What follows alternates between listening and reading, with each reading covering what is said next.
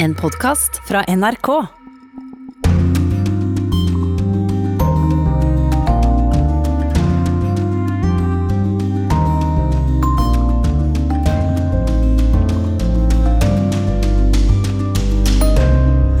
Spennende presidentvalg i Polen, svært jevnt mellom de to kandidatene. Vil brasilianske styresmakter endre sin miljøpolitikk i Amazonas? Ei internasjonal investorgruppe legger tungt økonomisk press på styresmaktene i Brasil. Over hele verden skal det deles ut store krisepakker for å få fart på økonomiene etter koronakrisa. Vil de stimulere til grønn vekst, eller blir alt som før? Vi skal høre om tyrkiske Game of Thrones, en TV-serie som har skapt enormt engasjement i Pakistan. Ikke alle greier å skilje rollefigur og skuespiller fra hverandre. Skuffet har de oppdaget at hun ikke er en nomadekvinne gift med en stammehøvding fra 1200-tallet, men at hun er modell og poserer i lette sommerklær på stranden og viser hud og korrespondentbrevet kommer fra Roger Severin Bruland i Berlin. Han skriver om en svært spesiell vår som reisende koronareporter. Klart det er flott å vandre alene rundt i disse historiske byene som vanligvis blir invadert av turister. Men det er ikke noe jeg klarer å glede meg over der og da. Det å være virusreporter er en farlig og ensom jobb.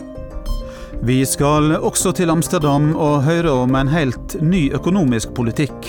Byen vil ikke lenger at velstanden til folk skal måles i vekst. Velkommen til Urix på lørdag. Her i studio er Eivind Molde. Vi starter denne sendinga i Polen, der andre runde av presidentvalget blir gjennomført i morgen. På meningsmålingene er det svært jevnt mellom de to kandidatene.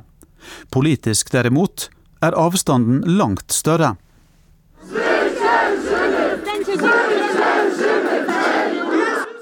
Det er siste innspurt i presidentvalget i Polen, og nå kjemper de to kandidatene for hver eneste stemme. Szanowni Państwo, te pięć lat to był czas, który w moim przekonaniu został przez nas dobrze wykorzystany. Vi har brukt de siste fem årene godt, og vi har holdt løftene våre, sier sittende president Andrej Duda til sine tilhengere. Og de fleste av dem er enig med ham i det. For Lov- og rettferdighetspartiet, som presidenten tidligere var medlem av, og som også har regjeringsmakta, har kjørt en populær politikk der bl.a. barnefamilier og pensjonister har fått mer å rutte med. Men samtidig har partiet også blitt beskyldt for omfattende maktmisbruk, både av opposisjonen og av EU. Og det er her flere av argumentene til presidentens motkandidat Rafal Traskowski kommer inn. Den EU-vennlige borgermesteren i Warszawa tilhører den liberalkonservative borgerplattformen.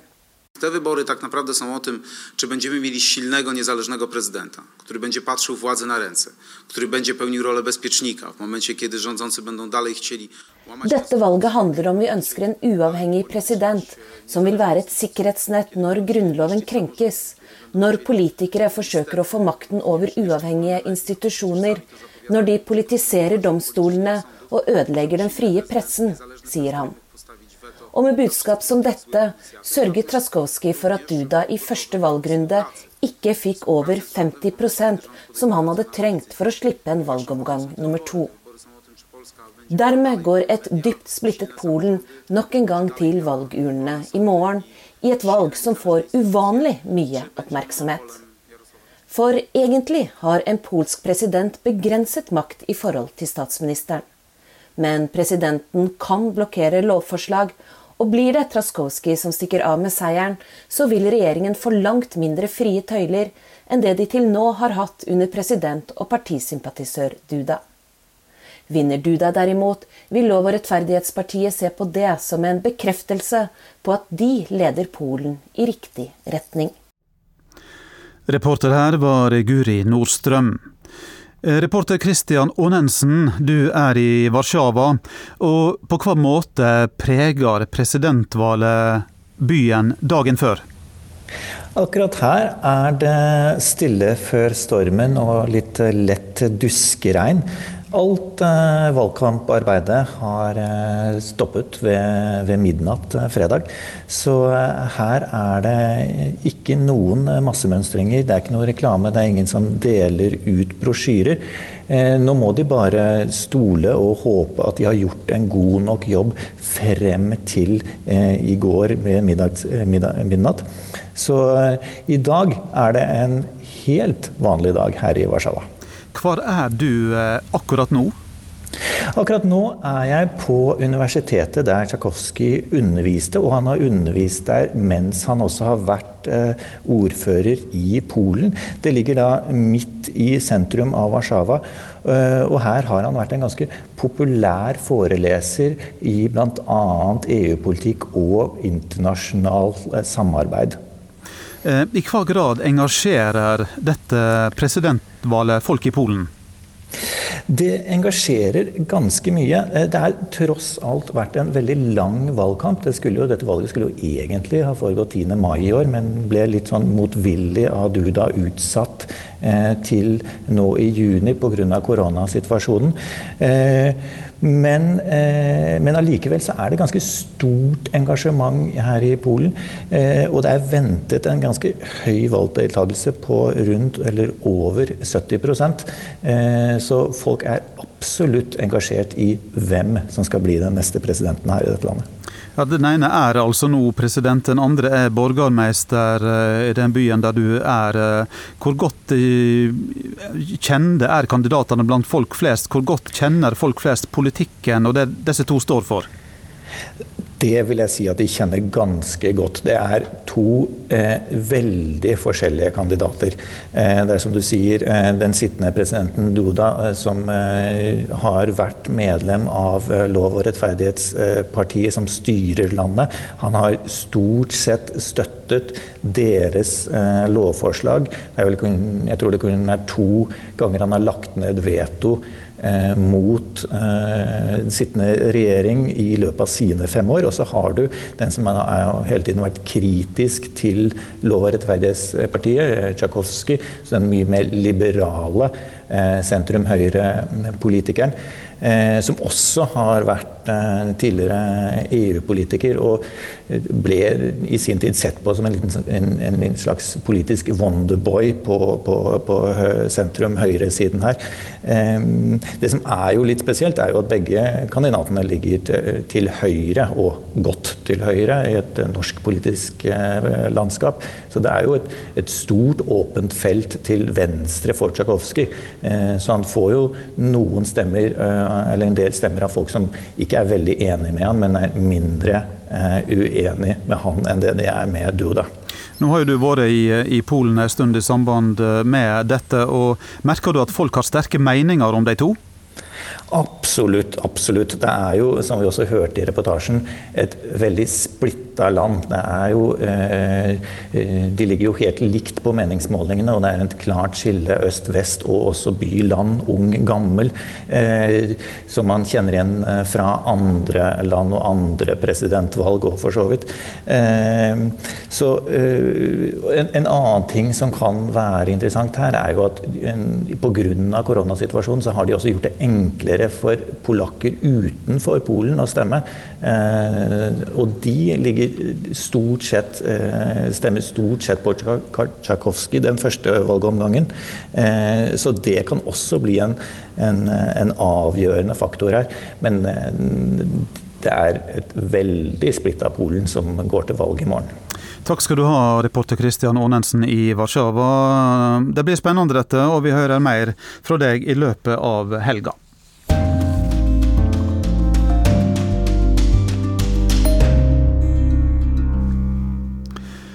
Neste stikkord er eh, Brasil. Vil brasilianske styresmakter endre sin miljøpolitikk i Amazonas? Det er spørsmålet etter at en internasjonal investorgruppe har lagt tungt økonomisk press på Brasil. Gruppa har investert store beløp i landet, og krever en sterk reduksjon i avskoginga i Amazonas. Arnt Stefansen i Rio de Janeiro har sendt oss denne reportasjen. Brasils regnskog er den største i verden. Den har enorm betydning for klimaet, og den forsvinner stadig raskere. I går kom det nye tall som viser at avskogingen har økt med 25% i første halvdel i år sammenlignet med i fjor. Mer enn 3000 kvadratkilometer med skog ble ødelagt, ifølge brasilianske myndigheter. Dette er en direkte følge av regjeringens politikk, sier Marcio Astrini, leder for organisasjonen Observatorio do Clima, til NRK. Bolsonaro-regjeringen har et politisk program som innebærer ødeleggelse av miljøet og en svekkelse av kampen for klimaet. Bolsonaro og hans folk setter næringsinteresser foran miljøinteresser i Amazonas. De svekker skogpolitiet og andre som skal beskytte regnskogen. Og de ser den internasjonale klimakampen som en slags konspirasjon mot Brasil, sier han.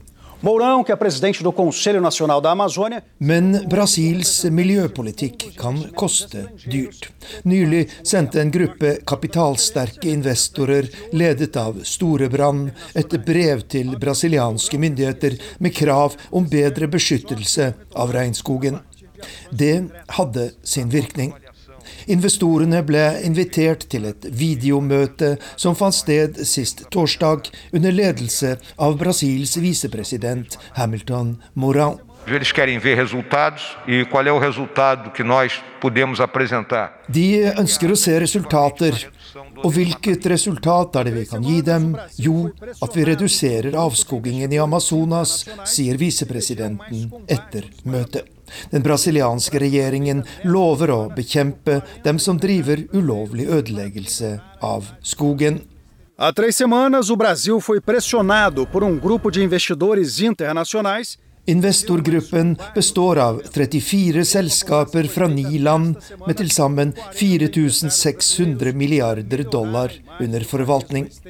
Gruppen ledes av Storebrand, og konserndirektør for kapitalforvaltning Jan Erik Saugestad sier dette til NRK etter torsdagens konferanse. Vi opplevde at de tar vår uro som investorer alvorlig og at de forstår at vi som langsiktige investorer også må forutsette en bærekraftig utvikling. Vi tror at det bare er gjennom et samarbeid mellom myndigheter, selskaper og investorer at vi kan skape nødvendig endring. Et tema på konferansen var de voldsomme skogbrannene i Brasil i fjor sommer, og Brasils regjering vil nå innføre et fire måneders forbud mot å tenne branner for å rydde skog i Amazonas. Seniorrådgiver Vemund Olsen i Regnskogfondet mener det som skjer nå, er svært positivt. Reaksjonen i Brasil viser at press fra næringslivet tas på alvor og vi håper at enda flere investorer og bedrifter slutter seg til, og at dette vil bidra til å få avskogingen nedover igjen. Men han understreker at utfordringene er enorme. Det gjenstår å se om dette er tilstrekkelig for å endre miljøpolitikken i Brasil. Motkreftene er sterke, og det er mange som har mye å tjene på rasering av regnskogen. Vi holder fram med klima og miljø som tema. Over hele verden skal det deles ut store krisepakker for å få fart på økonomiene igjen etter koronakrisa. Det er en unik sjanse til å skape ei grønnere vær og millioner av nye bærekraftige jobber, mener mange. Tanken om ei grønn gjenoppbygging har fått stor støtte internasjonalt, men det er likevel få land som har forplikta seg til en slik plan. We are seeing in 2020 a big decline in uh, CO2 emissions, something that has been is going to be unprecedented. However, this is a very bad news because it's coming at huge economic cost and huge human cost. I 2020 ser vi en nedgang i klimagassutslippene som er enestående. Men det er dårlig nytt, for det innebærer også store økonomiske og menneskelige kostnader. Det sier Lara Kochi, som er forsker ved Det internasjonale energibyrået til NRK. Hun har ledet arbeidet med å lage en grønn gjenoppbyggingsplan for OECD-landene i samarbeid med Det internasjonale pengefondet. Torsdag arrangerte de en digital klimakonferanse for å diskutere veien videre. Der deltok ministre fra land som står for 80% av verdens energietterspørsel. As we design and implement these recovery plans, we have a choice. We can go back to where we were, or we can invest in a better, more sustainable future. Vi har et valg. Vi kan gå tilbake til der vi var, eller så kan vi investere i en bedre og mer bærekraftig fremtid. Det sa FNs generalsekretær Antonio Guterres under konferansen. Dersom landet velger å bruke den grønne gjenoppbyggingsplanen, mener IEA at man vil se en global økonomisk vekst på 1,1% årlig. I tillegg til at man vil skape rundt ni millioner nye arbeidsplasser. That putting uh, uh, sustainable energy at the center of recovery plans would uh, boost economic growth, would create new jobs, and help us having a much more resilient and cleaner energy system. So the opportunity space is huge.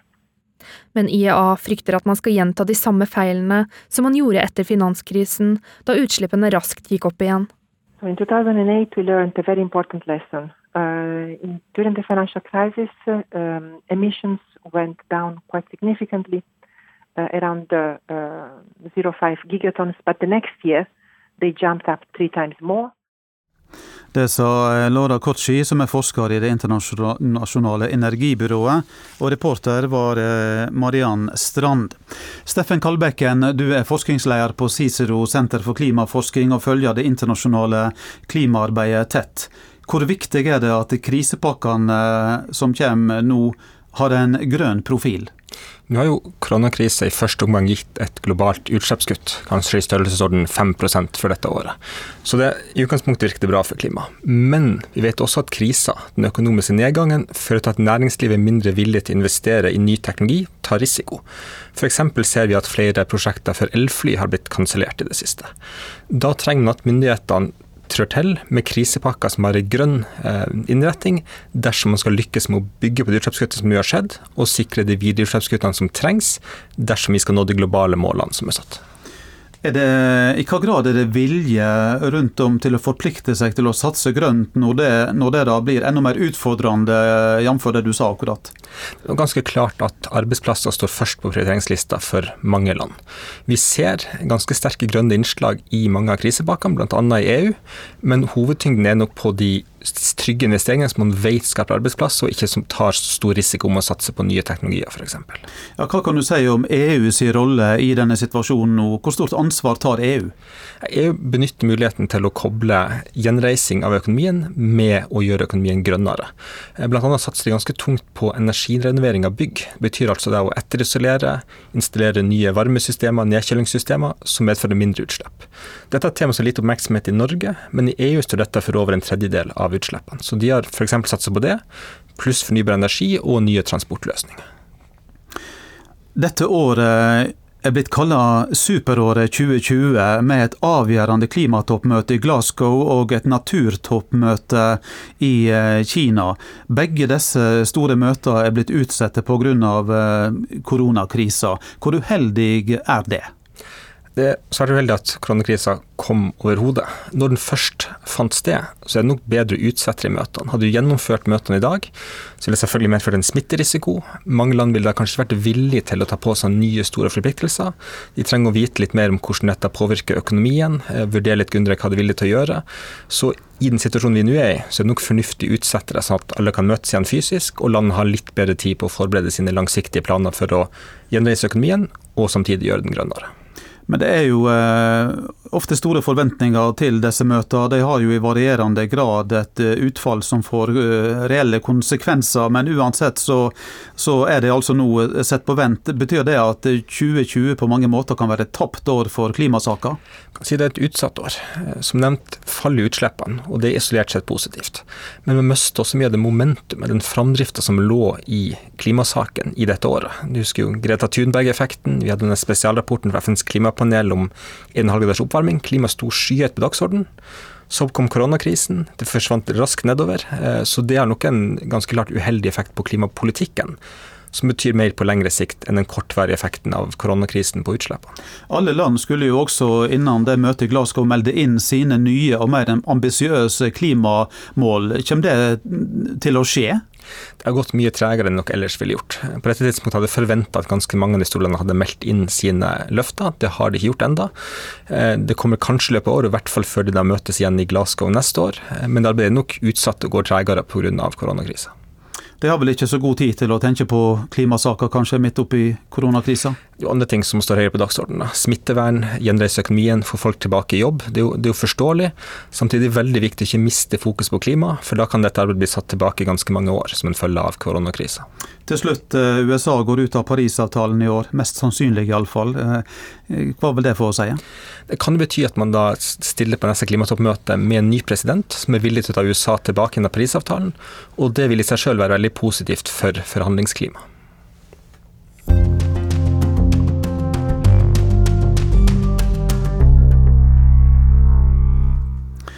Nå skal vi til den uh, tyrkiske Game of Thrones. En TV-serie som har tatt store deler av verden med storm. Nå har serien nådd Pakistan, og der har den skapt enormt engasjement. I Lahore har en privatperson satt opp en statue av hovedpersonen i serien.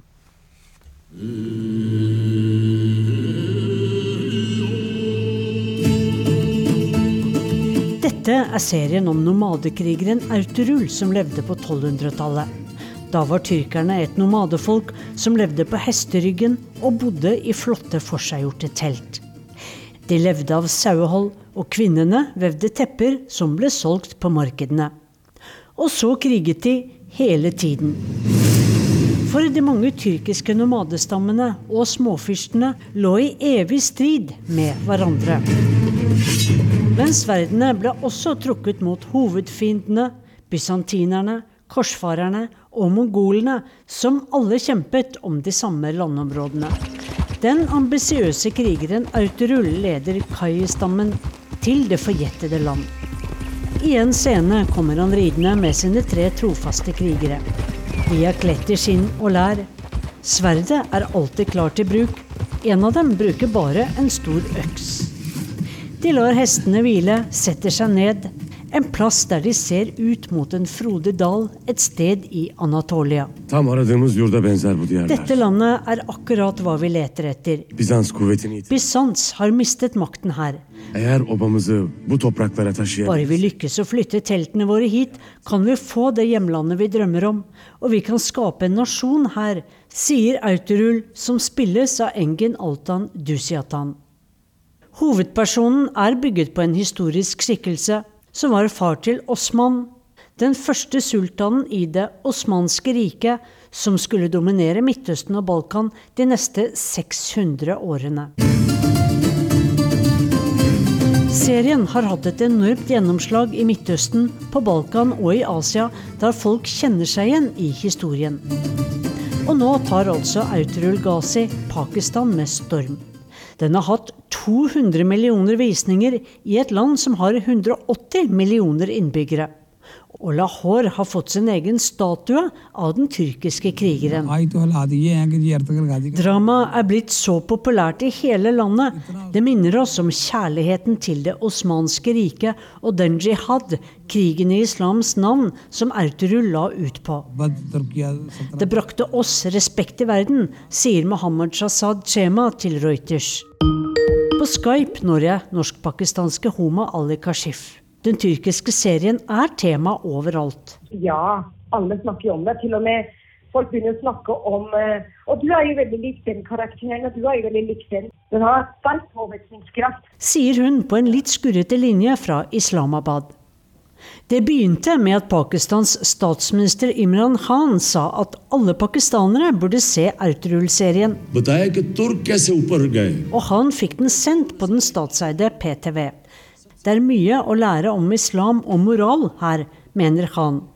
Budskapet i serien er hold fast på målet, som er å skape rettferdighet, beskytt de uskyldige, tro på Gud og gi aldri opp, uansett hvor mange problemer du har. Kashif liker spesielt de mange sterke kvinneskikkelsene i serien. De har ansvar for både bedriften, lage tepper, lage utstyr, lage våpenutstyr. Eh, de er med på diskusjoner, de er med på å ta valg. Det har eh, mye å si.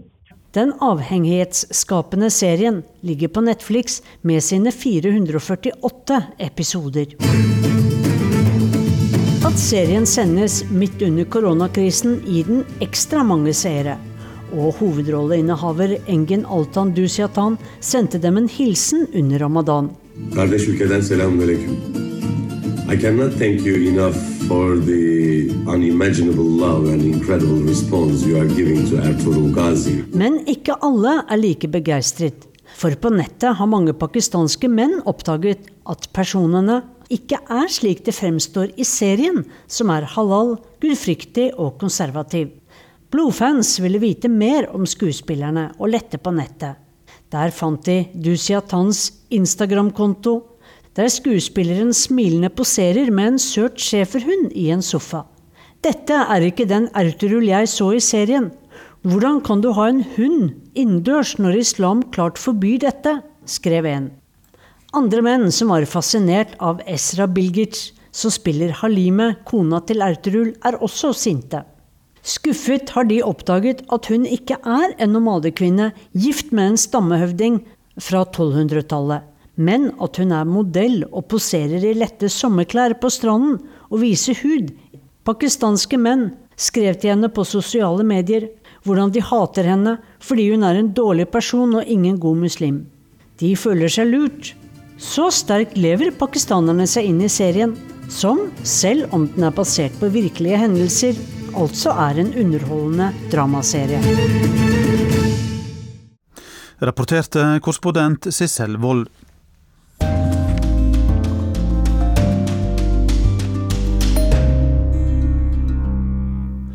Over til en eh, fast post her i Urix på lørdag, nemlig korrespondentbrevet.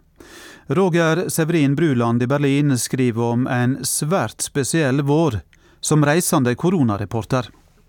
Denne våren har vært den mest krevende tida jeg har opplevd på 20 år. Som veteran fra det norske forsvaret sine operasjoner på Balkan har jeg opplevd kriser før. Det å være soldat handler ikke bare om å verje seg mot kuler og krutt. Det handler om å unngå stråling fra utarma uran, være forsiktig med å puste inn forurensa luft fra lokal industri, og ikke minst passe seg for virus og sykdommer som blusser opp i land der folk er svekka etter krig og konflikt. Forrige veke var det slutt på de heildekkende koronasendingene til NRK. I samband med dette fikk jeg en telefon fra Halvard Sandberg. Om han kunne få lov til å nevne meg i en post på Facebook. Han fortalte om en samtale vi hadde hatt midt under den verste koronakrisa i Italia om kollegaer som var uroa for helsa mi. Jeg husker det ikke sjølv, men hadde sagt til Halvard at det var vår plikt å gi det norske folk så god informasjon som vi kunne, slik at de kunne gjøre sitt beste for å verje seg mot viruset. Halvard fortalte meg at samtalen hadde vært et vendepunkt for han. Etterpå bladde jeg tilbake i meldingene mine og så hva det var jeg hadde skrevet til Halvard. Lead, follow or get out of the way. Eit slagord vi begge hugsar fra de fredsbevarende operasjonene. Vi snakka om at nå måtte vi løse den største journalistiske oppgåva i vår levetid. Forhåpentligvis ville det ikke skje noe mer dramatisk de neste 50 åra. Vi reagerer alle ulikt på stress. Jeg husker jeg ble irritert på humorprogrammet Nytt på nytt. Bård Tufte Johansen gjorde narr av nordfjorddialekta mi. Det er koronautbrudd i Milano, og hva gjør NRK? Det sender en reporter dit, og han rapporterer tilbake. Masse virus her. Og så sender det han tilbake til Oslo. Panelet ler. Jeg veit jeg ikke burde bli irritert, det var jo morosamt. Men etter fire turer til Milano, etterfulgt av fire karantener og fire koronatester i Berlin, så set latteren seg litt fast i halsen. Ja, jeg har opplevd eit folketomt Venezia, Dubrovnik, Firenze, München og Milano. Klart det er flott å vandre aleine rundt i disse historiske byene som vanligvis blir invadert av turister. Men det er ikke noe jeg klarer å glede meg over der og da. Det å være virusreporter er en farlig og ensom jobb. Og reportasjeturen er ikke over når jeg har kommet hjem til Berlin. Da må jeg sitte i karantene og vente på om jeg blir sjuk eller ikke. Det er ikke det, jeg takler det fint. Jeg er flink til å gi hjernen pause fra mørke tanker om intensivavdelinga i Monsa, ekkoet fra respiratorpumper og død. Jeg har heldigvis gode mennesker rundt meg, noen å snakke med på FaceTime er gull verdt. Godt har det vært å snakke med kollega Øyvind Nyborg, som har hatt en stri tørn i London. Jeg kan se logoen til Charité-sykehuset på andre sida av gata fra kontoret mitt. Blir jeg sjuk, vil jeg få hjelp der. I London er kapasiteten sprengt, og truleg kjem Øyvind seg bare til sykehus i en ambulanse. Men så kjenner jeg at jeg blir irritert igjen, når jeg snakker med kollegaer som har levd i ei trygg boble i Oslo, i et land der styresmaktene passer på oss. Så blir jeg litt glad igjen når jeg får melding fra kollegaer som har overlevd ei runde med covid-19, når de forteller de setter pris på jobben jeg har gjort. Vi forstår hvor skummelt dette viruset kan være. 5000 kilometer jeg har levert leiebilen på flyplassen i München. Han som sjekker kilometerstanden, er helt i sjokk. Jeg forteller at 5000 km bare er barnemat. Jeg har sikkert kjørt minst 20 000, altså 2000 mil. Jeg bestemte meg tidlig for at jeg ikke var komfortabel med fly. Det var en potensiell smittefare, og jeg kunne aldri vite om flyet plutselig ble kansellert. Å komme seg heim er like viktig som å komme seg til åstaden. Det finnes alltid en åpen grensestasjon så lenge der er bensin på tanken. Og så kunne jeg som en Walter White dra på den lokale jernvarehandelen og fylle opp bilen med mat, vann og verneklede. Og gaffateip. Masse gaffateip. Alt dette ville jeg aldri klare å få med meg på flyet. For huks på at jeg ofte arbeider sammen med en fotograf eller medhjelper. De trenger også verneutstyr. Jeg kan ikke bare ta med verneklede til meg sjøl og sende de andre inn på sykehuset nakne. Det er et arbeidsgiveransvar å være reisende virusreporter. Jobben er ikke gjort før alle kommer hjem like friske som da de reiste. Som lagleder er dette det aller viktigste for meg. Her om dagen viste forbundskansler Angela Merkel seg med munnbind for første gang. I Tyskland har det vært flere lokale koronautbrudd. Og nå lurer en fare fra øst.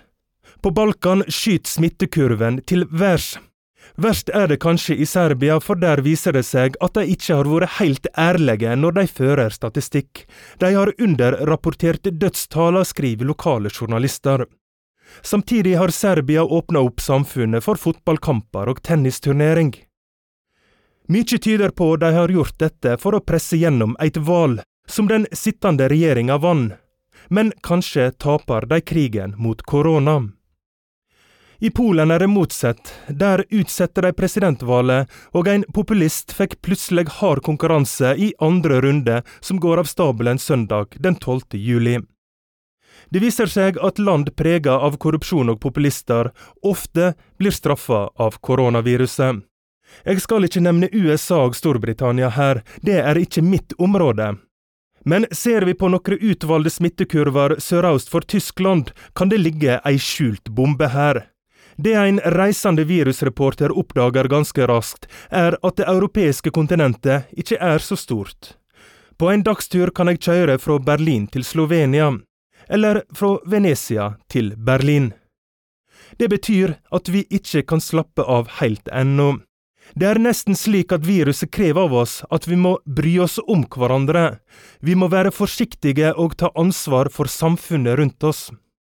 Og det er det som gjev meg håp, at vi kan bli litt snillere mot hverandre.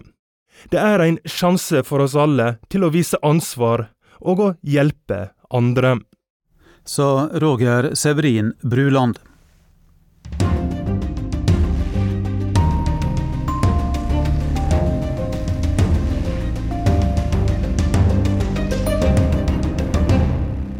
I siste del av Urix på lørdag skal vi til Nederland.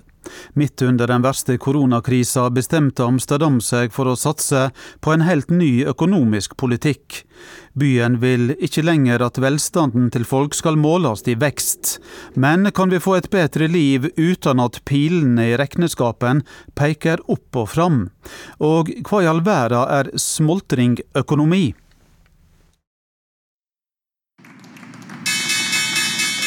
Verdensøkonomien er i ferd med å kollapse pga. koronaviruset.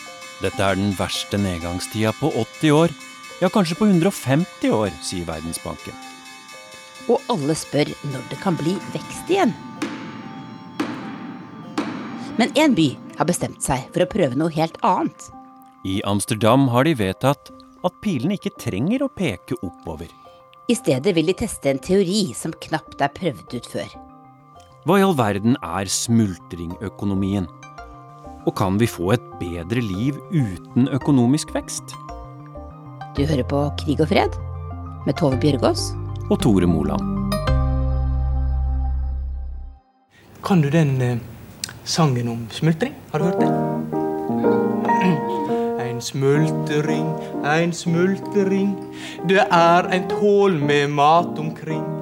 Og er det ikke mat omkring, så er det ingen smultring. En smultring, en smultring, det er et hull med mat omkring.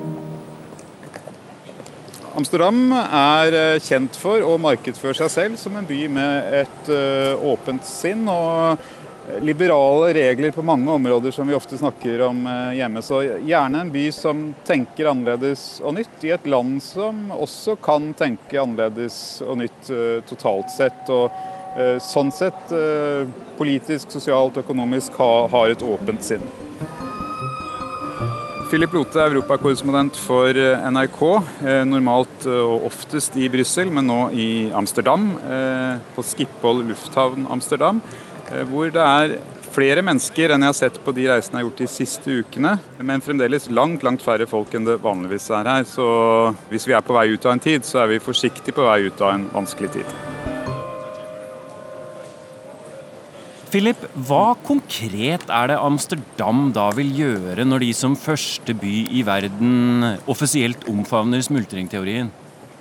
Det de vil gjøre, er å sette seg noen konkrete mål for en såkalt uh, sirkulær økonomi, hvor man baserer seg på høyere grad av gjenbruk, lavere forbruk av uh, både matvarer, råvarer og energi totalt sett. Uh, de ønsker at maten skal være kortreist, at den skal være sunn. De ønsker å dempe boligmarkedet, sånn at kapital som ikke har noe annet sted å være, ikke søker tilflukt i eiendom bare fordi at det er trygt. De ønsker at eiendom skal prioriteres for de som trenger det. Og skal man bygge nytt, så ønsker man å bruke resirkulerbare materialer i mye, mye større grad. Og så går det helt ned til sånne helt banalt enkle ting som at man ikke vil bruke plastkopper. Man skal stimulere til butikker som selger brukt tøy og andre ting som kan brukes på nytt. Og målet er at man skal innen 2030 eh, halvere byens bruk av nye råmaterialer. Og i 2050 allerede kun bruke det som kan brukes på nytt. Altså en resirkulær økonomi. Det høres litt ut som en slags hippiefilosofi fra en by som fra før er kjent for sine liberale holdninger og fri hasj? Ja, det, det, høres sånn ut, og det er jo en påstand som ordføreren, eller viseordføreren, da, som fronter dette her gjentatte ganger forsvarer seg mot. og hun eh, ligger jo til venstre. Tilhører Grønn Links, altså Grønne Venstre, et parti som kanskje minner litt om SV og har mye av de grønne i seg, men som er et av mange partier. Det er jo et partimangfold i Nederland som eh, nesten eh, Du må til Danmark og kanskje Norge for å finne noe som ligner på. Eh, og alt meisles jo ut i kompromisser. og Amsterdam er jo en by som har eh, en ganske sterk venstreside. Eh, mange progressive mennesker, også innenfor næringslivet. Folk som er progressive og tenker nytt. Så dette er kanskje en sånn type by hvor den type tenkning er eh, mulig. Når den teorien sier at økonomisk vekst ikke er målet, så sier den jo heller ikke at økonomisk vekst er galt. og Det er jo derfor kanskje den har en appell som går litt utover bare kanskje venstresiden. Økonomisk vekst er fint, det er greit, det er ikke et mål i seg selv, men det er helt OK hvis du kan få det til innenfor rammene av eh, hva naturen, økologien, planeten vi bor på, byen vi bor i, tåler. I april Midt under den verste koronakrisa vedtok Amsterdam en ny økonomisk plan for de neste fem årene. Målet er det de kaller en sirkulær økonomi, der vekst i seg selv verken er et gode eller et onde. Vårt mål er å gi alle et godt liv innenfor jordklodens naturlige begrensninger, heter det på byens hjemmesider. Amsterdam styres sammen av sosialdemokrater, sosialister, liberaldemokrater og De grønne. Marike van Dor Dornink. Uh, ja. Så Dornink. Uh, D-o-o-r-n-i-n-c-k. Jeg tror det uttales Dornink. Ja, fint. Uh, my name is Marike van Doornink, and I'm the deputy mayor of Amsterdam. And my work field is uh, uh, urban development and uh, uh, sustainability. I know that that a lot of people still have an idea that linear economy, so a economy that is only based on growth, and kind of is based on the fact that that we need more and more and more and more materials and more and more and more, which which produce more and more pollution that we can convince others that actually it is time to change is right now because there is this a moment of where the economy is is having a, a fall down. And actually you can say we can we go back to normal with all the um, negative aspects of what normal used to be. Or we can use this moment or size this moment to rebuild our economy uh, on new standards. Um, not not everybody thinks in this way but for us that's not a reason not to start this and do you have some concrete examples you could give us of what this circular economy implies? Yes, exactly. Because it, it it all sounds like very theoretical right now, but actually the things you can you can you, you can do yourself, you can do in a city. One of the things that we're doing is is really try to uh, to limit food waste, because it's of course strange that on one hand we have people starving from hunger, and otherwise we we throw away a lot of food. So we're supporting people of Amsterdam to for example, grow their own foods, and then the, the, organic materials that we actually throw away, that we can reuse them again, fertilizing the ground. So we can co- have a completely other way of looking at food waste. The other thing that we're doing is making it much easier uh, for uh, people of Amsterdam to reuse materials, to repair materials, to share materials. Um, and have like online marketplaces and repair services that we don't have to consume in the way that we're used to doing, but actually to uh, to have more of a, a sharing economy and more of a repairing economy instead of buying all kinds of new stuff. And the last one is how we're looking at our built environment to look at that we that that construction companies use much more sustainable materials such as, as woods or other uh, bio-based uh, materials, but also, for example, that we use much more materials that have been used in other buildings before. So those are a few examples of very practical which we can do within our own city without needing needing others. I was going to ask you about that, uh, Deputy Mayor. Amsterdam is a city in the Netherlands. You're a part of uh, the European Union and you have a huge port uh, doing business with the rest of the world. And the rest of the world is very much focused on market economies and focus on growth. How is this going to work in a larger perspective? Well, the fact that not everybody is on board yet doesn't doesn't mean we don't have to start. And uh, uh we are one city. I know there's there's many other cities looking at this. For example, uh, Philadelphia and Portland. Um, so there's also in other parts of the world people are looking at this kind of um, model in order to shape our economies. It's not like a blueprint, it's really a model, a framework which you can use in order to have a more just society. And I'm very, very happy, so very happy to. Um, that the, the the steps we have taken is is is uh, is inspiring others. Skal vi ta den en gang til, så kan du også være med på den. Du kan sikkert denne sangen fra før. Skal vi ta den? Ein smultring, ein smultring, du er et hål med mat omkring. Og er der ikke mat omkring, så er der ingen smultring. Ein smultring, ein smultring, du er et hål med mat omkring. Philip, hva er denne smultringteorien som Amsterdam sier de vil innføre, egentlig? Smultringteorien er en, et økonomisk eh, verktøy som eh, er utviklet av en professor ved Oxford University på Environmental Change Institute der. Hun heter Kate Raywood, hvis jeg uttaler det riktig. Og hennes bok, som da rett og slett heter eh, Donut Economics, eller Donut Economics, Seven Ways to Think Like a 21st Century Economist, den tegner et bilde hvor du har en smultring. Den innerste sirkelen er de behovene et menneske er nødt til å tilfredsstille for å kunne leve et eh, godt liv. Hvis du ikke har disse levevilkårene, så er du inne i midten av smultringen. I hølet, rett og slett? Rett og slett i hølet. Eh, og hvis du er i ytterkantene, eh, så beveger du deg så langt ut at da klarer ikke jorden, planeten, lenger eh, å bære den økonomiske aktiviteten. Så det er den deigen i midten, massen i midten, som vi kan spise av, utfolde oss i, ha økonomisk aktivitet i. Her kan vi boltre oss. Og Det som er spesielt med eh, smultringteorien, er at den sier at økonomisk vekst i seg selv ikke er et mål. Nå er jo ikke dette noe nytt på, eh, når man snakker med venstreøkonomer, men det den forsøker å gjøre, er å eh, gi et verktøy som man kan styre mellom hva mennesket må ha, og hvor mye planeten tåler. Det syns jeg var en steike god forklaring, jeg, Philip. Ja, ja.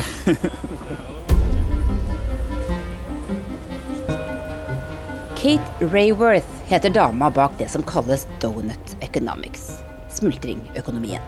It's time to think again. To reimagine the shape of progress.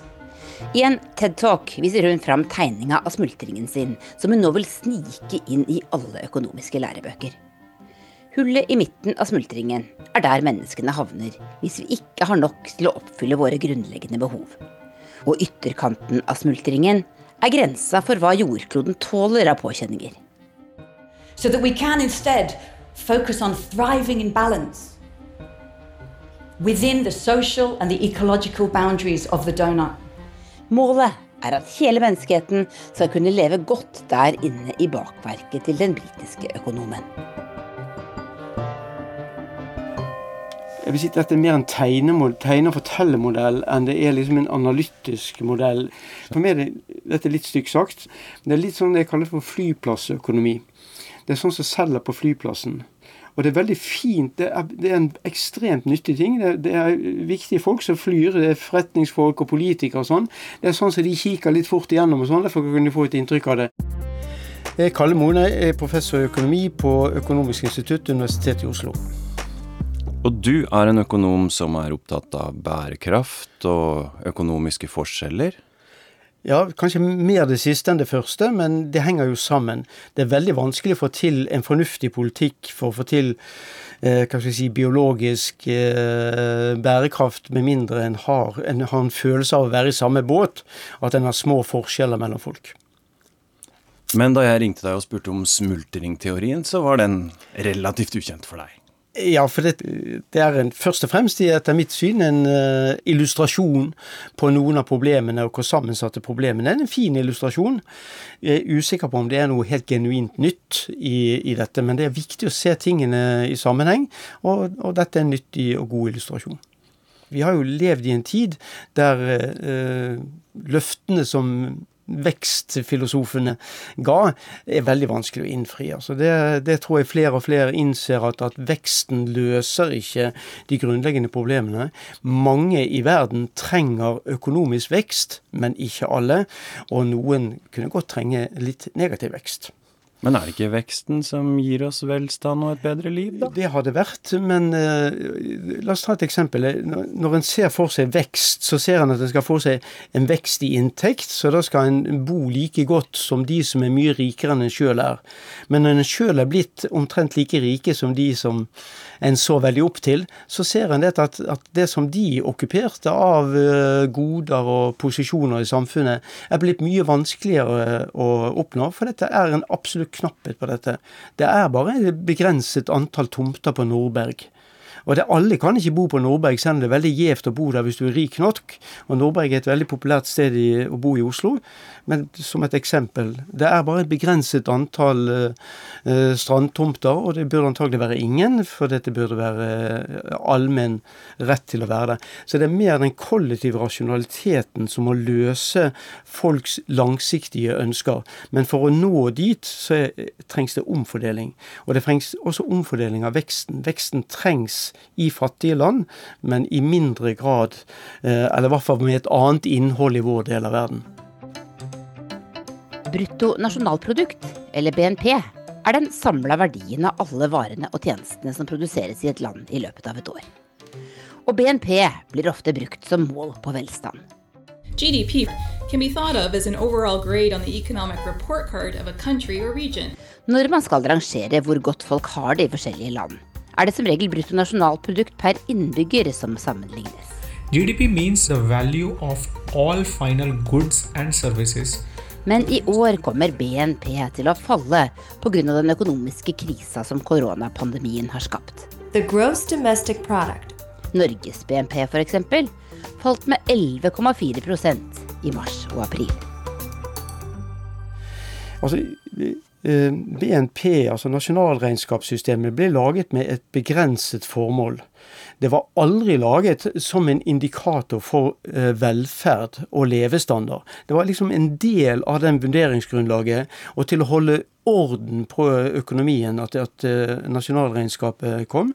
Og det er mange alternative forslag eh, til hvordan en skal gjøre dette. F.eks. at et grønt BNP som legger større vekt på den slitasjen en har på naturen i å frambringe materielle goder. Og en har også en BNP som legger større vekt på eh, f.eks. verdiskaping i heimen, eller ting som er utenfor registrering på vanlig måte. Men hva er problemet da, Kalle Mone, med dette fokuset på ja, verdiskapningen? Det, det, som er Problemet med det er at, at en må passe på at en har med alle kostnadene. Uh, og en har med alle verdiene som blir skapt.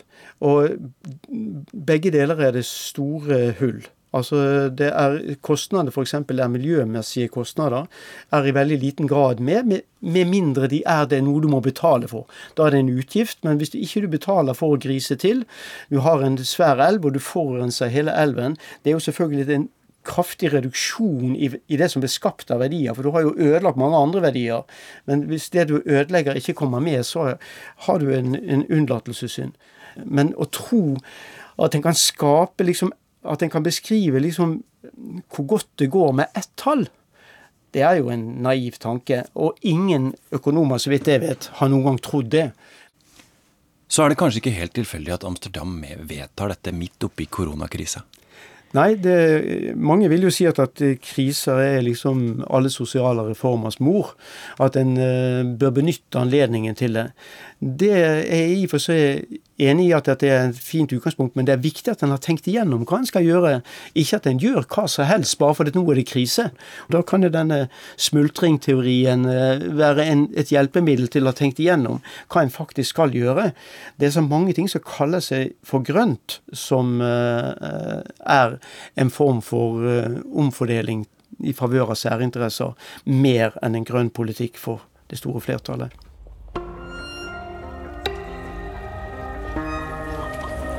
Philip, du befinner deg nå i Amsterdam. Du skal videre med et tog til Brussel, EU-hovedstaden. Det er jo ikke langt imellom de to byene, men hvordan tror du ideene fra Amsterdam kommer til å bli tatt imot av resten av EU? Jeg tror de blir eh, svært godt mottatt eh, hos ledelsen. Og hvis de klarer å gjøre at de blir en modellby, at de går foran, eh, så er det jo helt perfekt. Det er kort avstand til Brussel, som du sier. Brussel er kjent for at ting tar eh, lang tid, men hvis det går raskt i Amsterdam, så er det en kort togtur unna. Da kan man vise fram denne fremoverlente og spesielt interessante og ofte svært sjarmerende byen. Hva slags oppmerksomhet får Amsterdam da for dette økonomiske eksperimentet sitt? De får oppmerksomhet, og det at uh, Oxford-professoren har vært i Brussel og snakker med EU, gjør at uh, Amsterdam markerer seg som en by som ligger langt fremme den veien som EU-kommisjonen og EUs leder, ledere ønsker å gå. EU-kommisjonens eh, nye leder Ursula von der Leyen har jo sagt at eh, hennes kommisjon skal levere et grønt skifte. Det skal bakes inn i EUs langtidsbudsjett, som de nå forsøker å forhandle frem og bli enige om. Det er klart at eh, en by som da Amsterdam, som tar de grepene de gjør, de vil få oppmerksomhet, de vil bli lyttet til, og de vil bli brukt som et eksempel, særlig hvis de lykkes. God tur videre, Philip. Ja, fint. Takk, Tore. Ha det. Du har hørt Krig og fred fra NRK Urix. Lydregien var ved Merete Antonsen. Og smultringsangen vår var fra Leikestove i barne-TV fra 1972. En smultring, en smultring, det er et hål med mat omkring. Ja, det var uh, Urix på denne lørdagen. Og uh, fikk du ikke med deg hele sendinga, så kan du høre den når du vil i NRK radio på nett og mobil. Flere utenriksnyheter fra NRK finner du også på uh, nrk.no og på radio og TV. Ansvarlig, Teknisk ansvarlig for denne sendinga var Finn Lie, produsent Jon Branes, og her i studio Eivind Molde.